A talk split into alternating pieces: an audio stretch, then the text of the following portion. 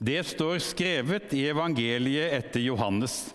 Døperen Johannes vitner om Jesus og roper ut:" Det var om ham jeg sa:" Han som kommer etter meg, er kommet før meg, for han var til før meg. Av hans fylde har vi alle fått nåde over nåde. For loven ble gitt ved Moses. Nåden og sannheten kom ved Jesus Kristus. Ingen har noen gang sett Gud, men den enbårne, som er Gud, og som er i fars favn, han har vist oss hvem han er. Slik lyder det hellige evangelium. Døperen Johannes hørte vi om og leste vi om i den teksten vi nettopp hørte. Døperen Johannes det er en av de virkelig fargerike personer i Bibelen. En litt tøff type, tror jeg. En original. Han var ute i ødemarken og døpte i Jordanelva. Kledd i en kamelhårskappe, står det. Og gresshopper og vill honning var maten hans. Og der sto han ute og hadde en litt ubehøvlet språkbruk og kalte folk både det ene og det andre. Han var en skikkelig domspredikant som eh, talte med stor kraft. Men hans oppgave det var å være en veirydder for Jesus. Peke på Jesus slik at menneskene den gang, og vi som lever i dag, kunne se og kan se hva Jesus kan være og bety for oss. Det var Johannes sin oppgave, slik at flere kunne finne Jesus. En liten episode var en bekjent av meg som fortalte følgende. I et eh, bedehus som ble solgt for en del år siden. Det hender jo bedehus selges når virksomheten ikke lenger er sånn som den hadde, hadde vært en gang. I dette bedehuset sto en ganske stor Jesusfigur. Den var eh, pakket inn og lagt vekk da bedehuset ble solgt. Og nå husket ingen hvor den var blitt av. Og En som hadde da litt spesielt ansvar, han sendte ut en melding til en del mennesker. 'Vet du hvor det er blitt av Jesus?' Og Så ble han funnet. Og så kom det en ny melding. Nå har Arne funnet Jesus. Jeg tror at det er mange som leter etter Jesus, ikke så bokstavelig som akkurat etter den Jesus-figuren. Men jeg tror det er mange mennesker i dag og et ganske langt liv som prest har lært meg noe om det i møte med mennesker. Det er mye lengsel. Lengsel etter noe fast, noe som holder noe vi kan gripe tak i og vite at er der. Og Jeg synes jeg har møtt det stadig. Åndelig lengsel. Og Det er også kanskje grunnen til at uh, i vår tid dukker opp nye bevegelser. Nyreligiøsitet snakker vi om. Alternative bevegelser. Bevegelser som ofte beveger seg litt langt fra det som vi tenker som tradisjonell kristentro. Men jeg tror det gir uttrykk for en lengsel. Og jeg har også møtt mye Guds tro. Det finnes mye gudstro i vårt folk. Mye mer enn vi kanskje tenker. For jeg tror det er mye skjult tro. Tro litt i smug, tro for oss selv. Det sitter litt dypt, men gudstroen lever absolutt. Men jeg tror mange lengter etter et mer avgjort forhold til Gud. Mer sånn at vi kan føle at vi har fått et frigjørende møte med Jesus, et liv i Guds nærhet. For det er et liv, det å tro på Gud. Det er ikke et livssyn. Det er ikke en måte å se livet på. Det er ikke sånn at vi går ut på livssynsmarkedet og så ser vi hva vi syns er greit, og hva vi ikke syns er greit, og så syns vi med det med Jesus og Gud høres ganske greit ut, og så velger vi det. Jeg tenker at kristentro er et liv. Et liv i Guds nærhet, et liv i hjelp. Gud har gitt oss en fin gave i bønnen. En mulighet for oss til å bære ting fram for Gud og legge det i hans hender. Dere som har båret Hans Elias fram til dåp i dag, foreldre og faddere. Dere har et spesielt ansvar for å be. Han ble båret hit én gang til dåp. Det holder med én gang. Én gang i livet er nok når det gjelder dåp. Men vi kan hver dag bære mennesket fram for Gud og legge det i Guds hender. Og så er det sånn at vi ber, og så syns vi kanskje ikke vi får de svarene vi ønsker. Noen sier 'jeg blir ikke bønnhørt'. Det tror jeg faktisk ikke er sant. Jeg er så enfoldig at jeg tror Gud hører våre bønner, men veldig ofte svarer han på andre måter enn det vi tenker og det vi tror er best. Og vi vet ikke hvorfor, og vi kan ikke finne noe enkle svar på det. Og vi skal ikke finne noe enkle svar på det. Jeg tror i dette livet blir vi stående igjen med mange ubesvarte spørsmål, med mange 'hvorfor'. Hvorfor måtte det skje? Så tror jeg at Gud er midt i det allikevel.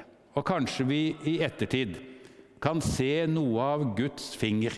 Hvordan Gud ledet oss også i de vanskelige og vonde ting som vi opplever i løpet av et liv. Vi kan få legge det i Guds hender. Og Det å leve i Guds nærhet er også å leve i tilgivelse.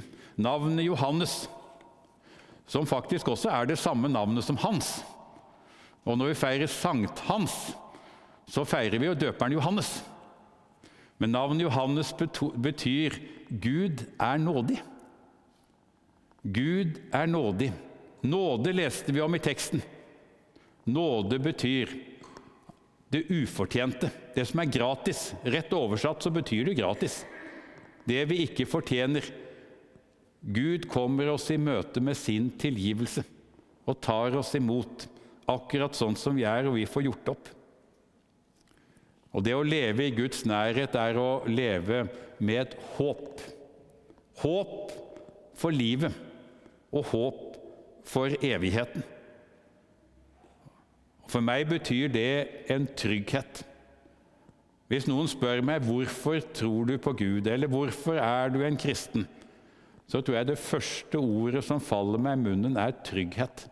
Trygghet fordi jeg eier et håp som bærer gjennom livet, og som til og med bærer gjennom døden. Også dette livet, det får vi i dåpen. Jeg syns det alltid er så fint å være med på dåp, og jeg er heldig som er prest, for det får jeg være med på ofte. Fordi det minner meg om at jeg en gang ble døpt sjøl. Og da fikk jeg en gave. Det skjedde et under, som jeg sa, framme ved døpefonten i dag. Hans Elias fikk en gave.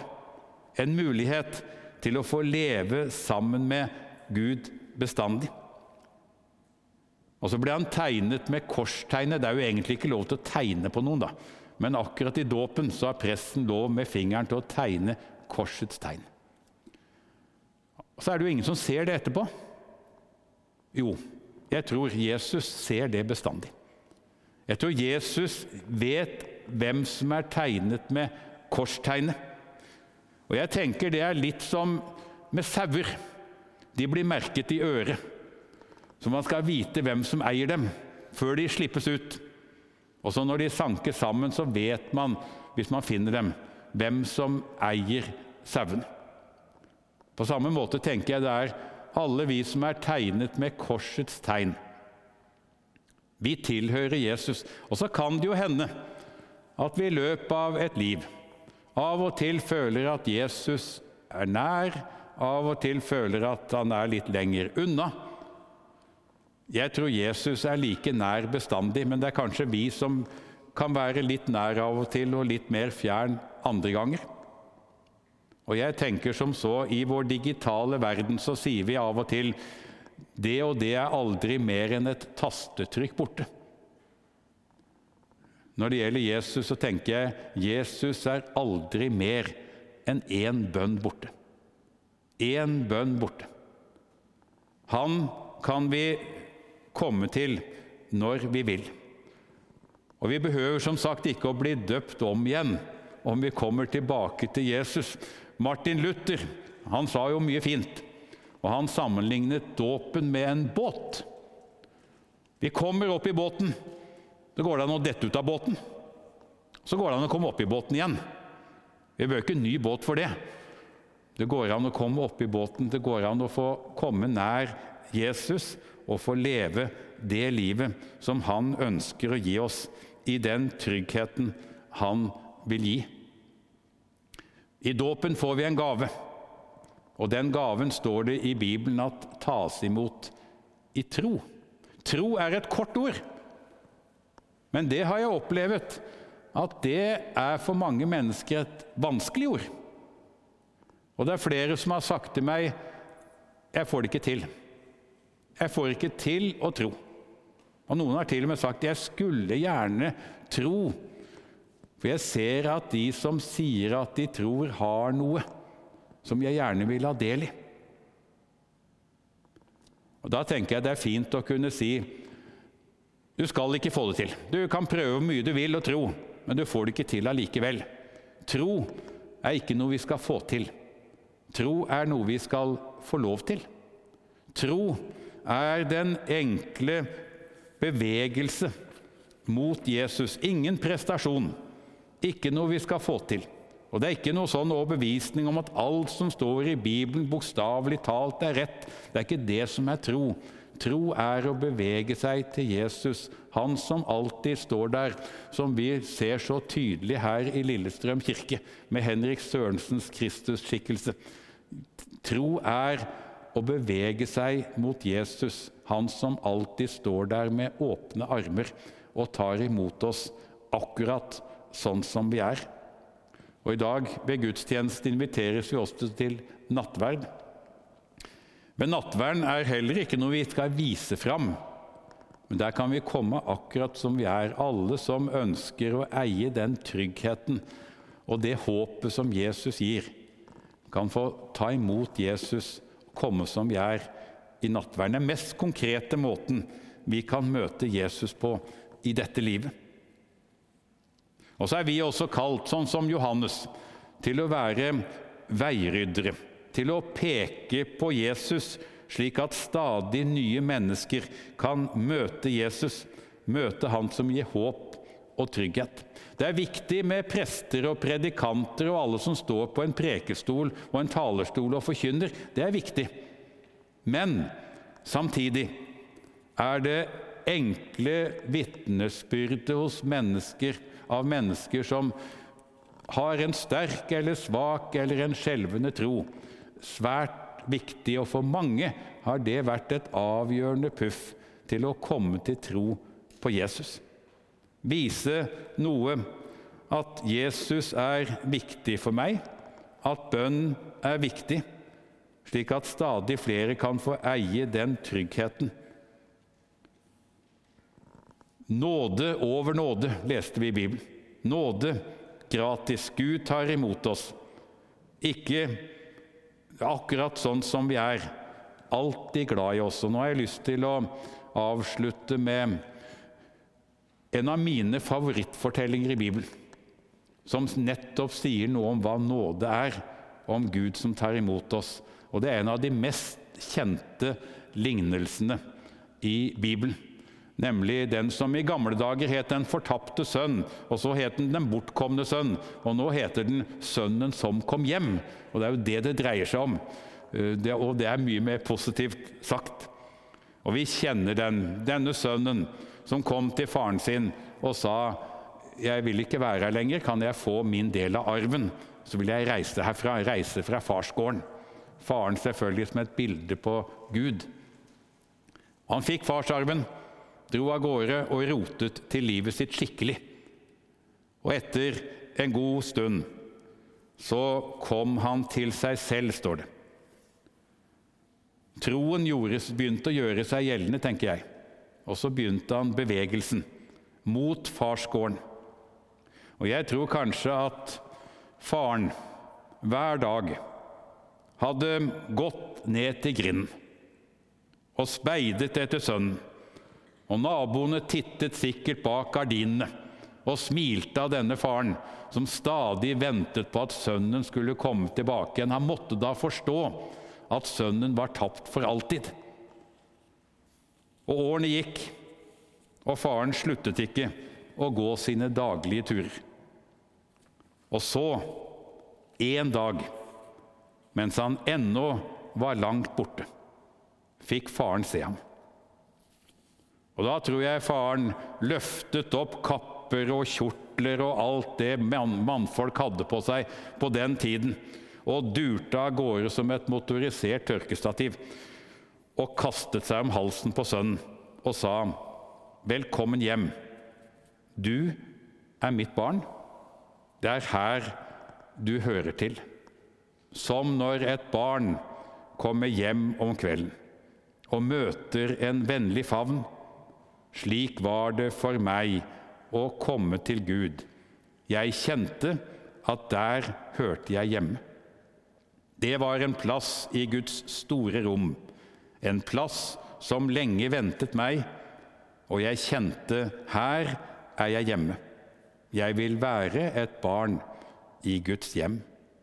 Ære være Faderen og Sønnen og Den hellige ånd, som var og er og blir en sann Gud fra evighet og til evighet. Amen.